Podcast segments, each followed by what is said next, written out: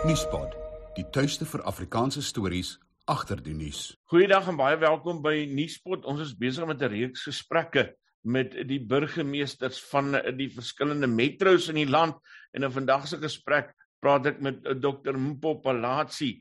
Sy is uh, die nuut verkose DA burgemeester van Johannesburg. Dit het in 'n verrassende wending gebeur uh, dat sy verkies is nadat Action SA en die EFF besluit het om uh, haar eerder te steun en uh, die uh, teen die ANC te stem toe dit gekom het by stemtyd vir die burgemeester.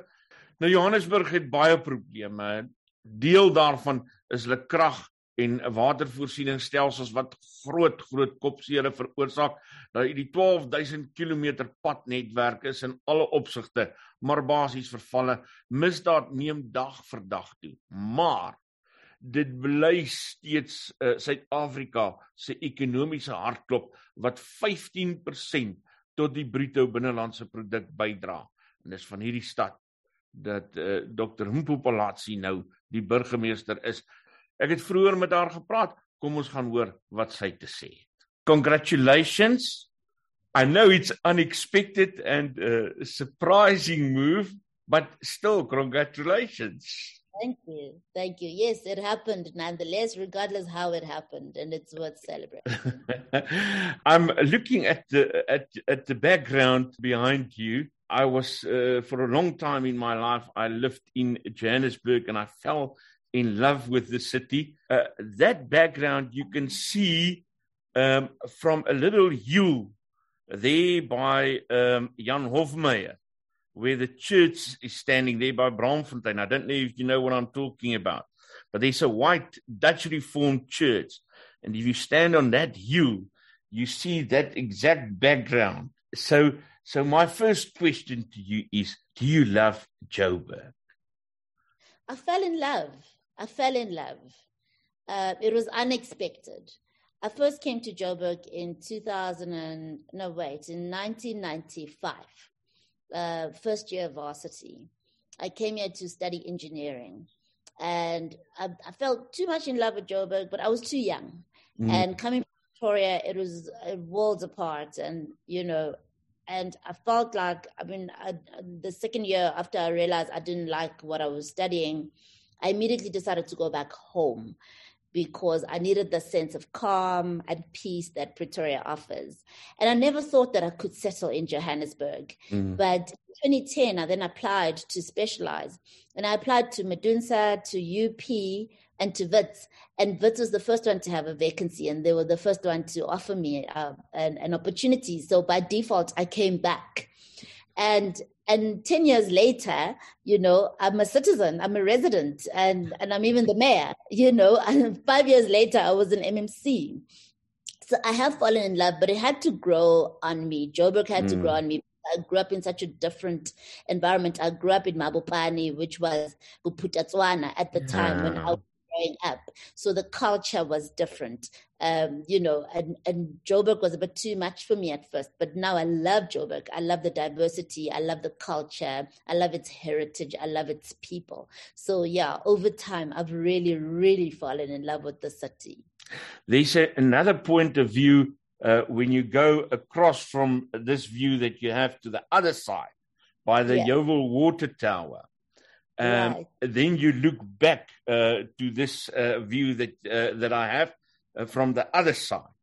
And yeah. and and and uh, why I'm I'm I'm just mentioning it because uh, uh I remember how many times I've uh, I went there and stopped there, and there you see the different cultures of Johannesburg, um, mm. the people that come from other countries, uh, the people of South Africa, um, yeah. coming together at that hill and all having their sacred time on that hill.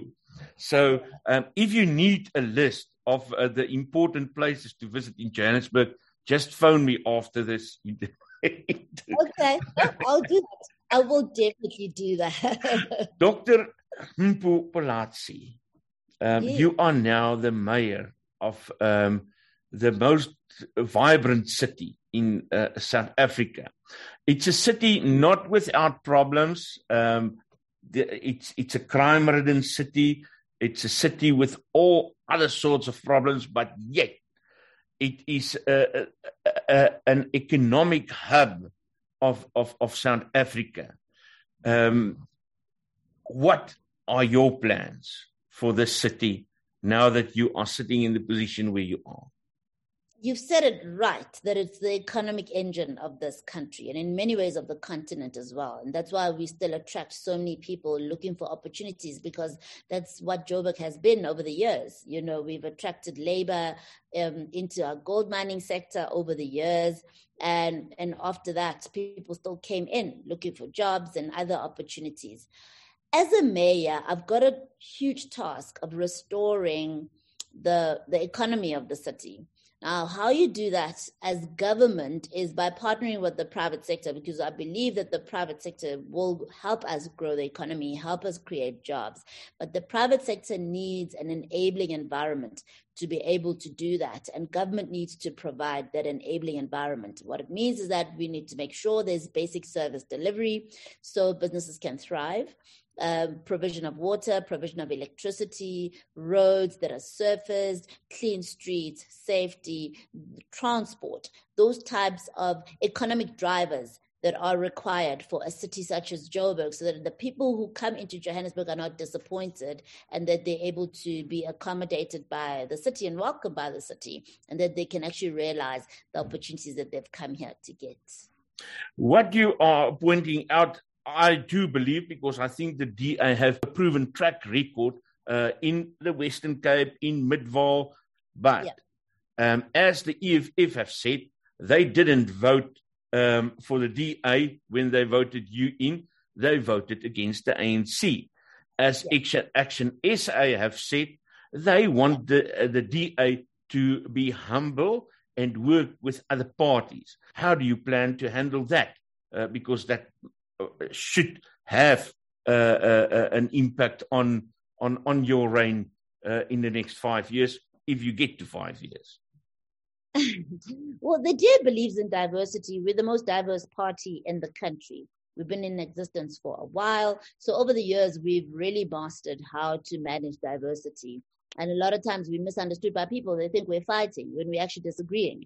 And we understand that disagreement is healthy because it stimulates thinking, it opens you up to to different ways of seeing things, different ways of approaching things. So I believe if there's any politician who can lead diversity, the DA politician, because we're so used to managing diversity internally.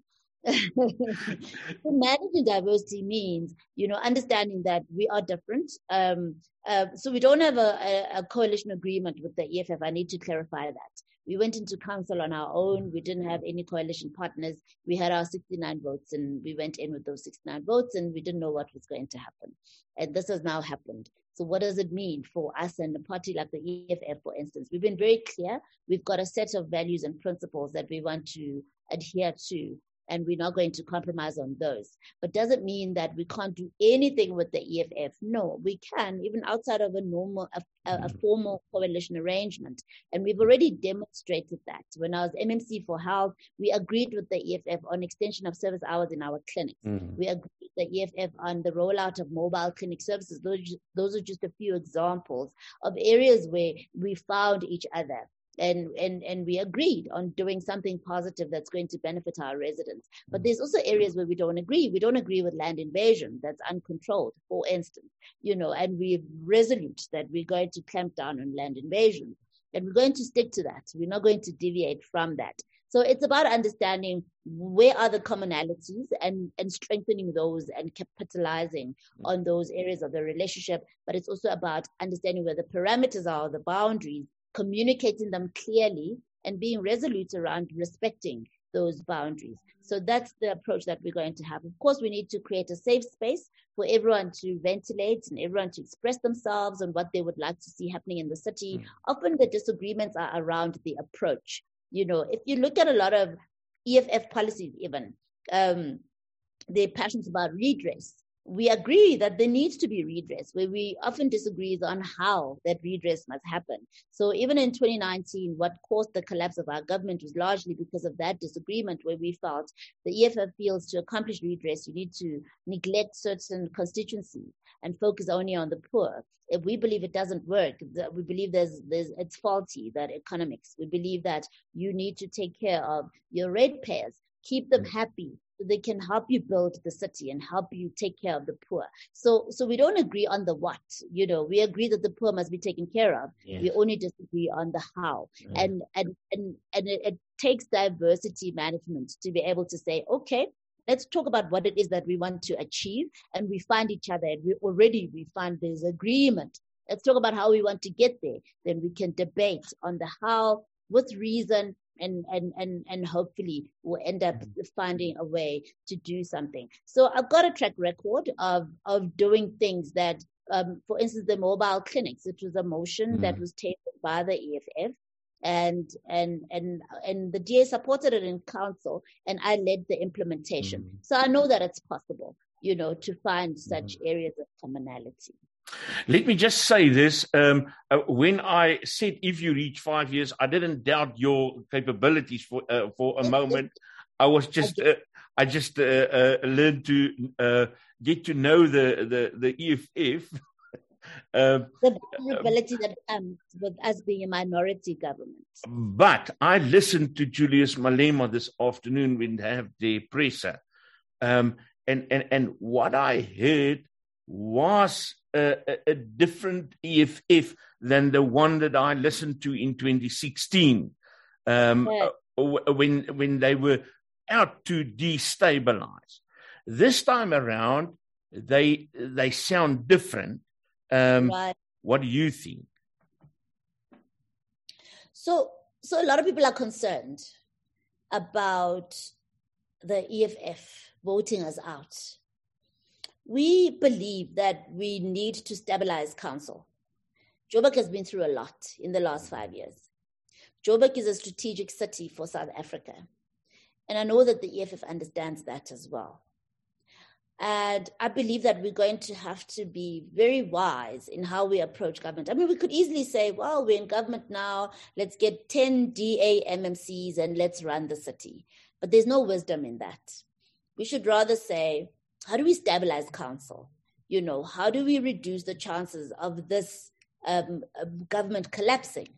And we've immediately decided, as the Democratic Alliance, that we need to approach other parties to see if we cannot form a multi party coalition that will be stable and that can govern for a full five years. And that's what we're busy with right now. We're busy negotiating with other parties to find out what it is that they want and what it is that we can offer them. And hopefully, in the next few days, we will be announcing what those um, agreements look like and what type of government we envision will will take the city forward. Mpho, um, the the DA, as we have said uh, previously, have a proven track record. Yeah. But despite that, um, at the moment or in this elections they they didn't manage to translate that into uh, um, to voters supporting them um, yeah. in as much giving them uh, the mandate to go ahead why do you think uh, that is well, there is a trust deficit that we have, particularly with black voters. And in South Africa, black voters are the majority. And, and that is an area that we need to work on as the Democratic Alliance. It does not mean that we are not for black voters, but it just means that we've not understood you, you know it's like being in a relationship and not understanding your partner's love language you love them but but in the manner in which you're expressing it, they're not receiving the love or they're not feeling it. I think that's what's happening with the Democratic Alliance and Black voters. I need I think we need to find that connection. You know what it is that the Black voter needs to see to understand that the DA is for them.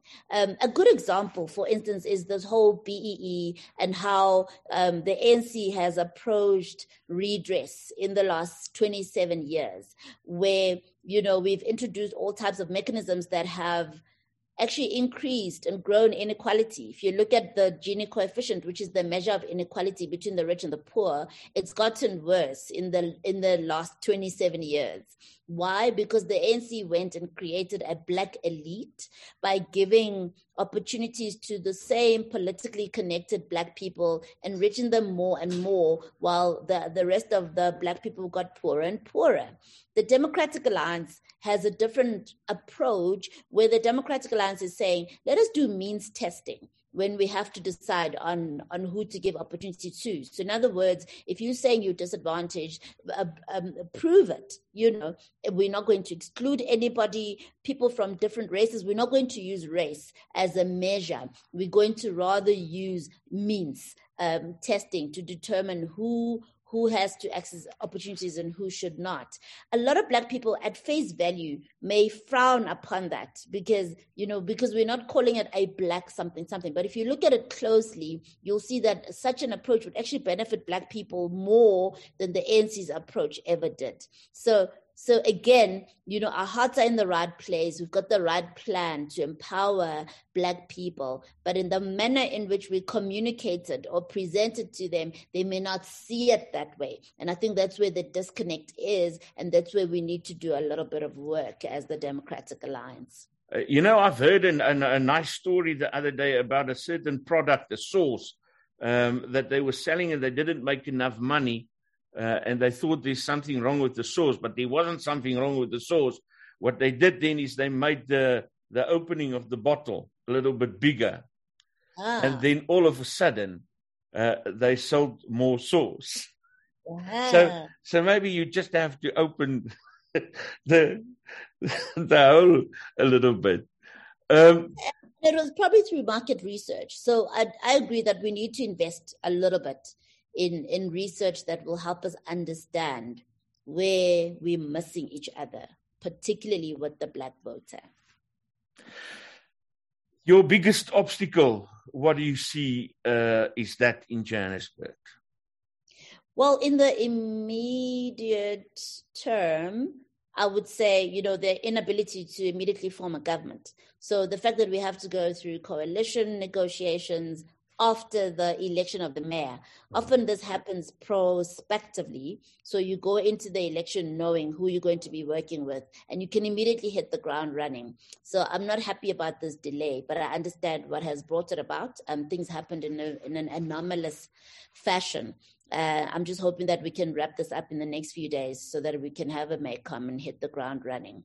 Um, you know, other obstacles are, of course, things like culture you know, within the institution, um, a culture of complacency, a culture of excuses, a culture of corruption, um, so many things that take away from what we should be doing as an institution, which is serving residents of mm-hmm. Joburg. We've got 37,000 employees of the city of Joburg who are supposed to be rendering services. You'd think the city would be so golden and so perfect, right? But why is it not the case? Because mm-hmm. there are institutional challenges. So we need to look internally before we, we seek to resolve issues externally. We need to first examine our capacity to deliver what we need to deliver and deal with the internal issues and make sure that we're in a healthy place where we will be able to do delivery. So I definitely think it's an obstacle, but it's not insurmountable. It's something that we just need to. I mean, I've already started the, the handover process. I've started scrutinizing um, what is happening just to get a to, to do an analysis, you know, of where we are in the true state of the city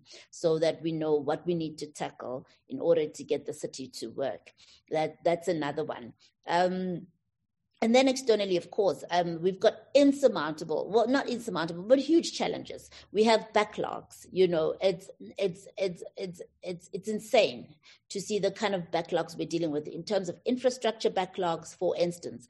Um, and and and if you look at the budget that we that we have or the revenue that we're able to generate and against the backlog that we need to mm. address that is quite a challenge. So it calls for us to be creative around how to bring money in. So some of the solutions are things like billing, getting the billing system right, resolving billing disputes, bringing in the money that's in the debtors book. We've got about 36 billion rands that we have not collected because of outstanding um, billing disputes. Mm-hmm. So those kind of things we need to start tackling immediately. The culture of non-payment by some government departments, big business, you know, who can afford to pay. There's there's there's entities that owe the city millions, mm. not because they can't afford to, but because we've not optimized collections. Those kinds of things we need to start tackling so that we bring in the money that we need to render services. But we're going to also need to stretch ourselves beyond our comfort zone. So we need to to start opening up to different ways of doing things, including partnering with the private sector more and more. Um, as government, we can sometimes be so territorial of our space and not allow the private sector to play a role. Um, but we need to get to a point where we are realistic about what we can and cannot do in the short and medium term and, and, and look at that against the backdrop of the enormity of the needs on the outside. Uh, we need to be able to say, okay, to the private sector, let's talk, you know, let's see how we can make this work. I mean, a good example is in the provision of power many people are starting to look at alternatives. People going off the grid for government means a loss of revenue. You know, how do we protect that revenue? Shouldn't we rather be part of the solution? Even if they're going and working with IPPs, shouldn't we rather be working with IPPs, you know, so that we increase capacity, make sure that people are getting stable power supply through um, a, a, a, differential model, you know, where, the, where, where our revenue doesn't have to be threatened. So we, we're going to need to force ourselves into a lot of creative spaces we never imagined ourselves in before. But that's the only way we're going to be able to build. Uh, Dr. Mpho Phalatse, um, I want to thank you. Um, I know you've had a long, long day, uh, but yeah. I just want to tell you the way that you uh, are handling this. I'm a big fan. Uh, you made me a big fan tonight. May I say that? I don't know. It's very, it's it's not very objective from a journalist, nay, but I don't mind. Uh, I became a good fan the way you handled this. Thank you very much. Thank you so, so much. And thank you for the opportunity.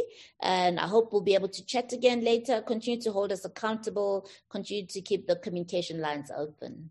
Have a good evening. Bye. Nuuspod, die tuiste vir Afrikaanse stories agter die nuus.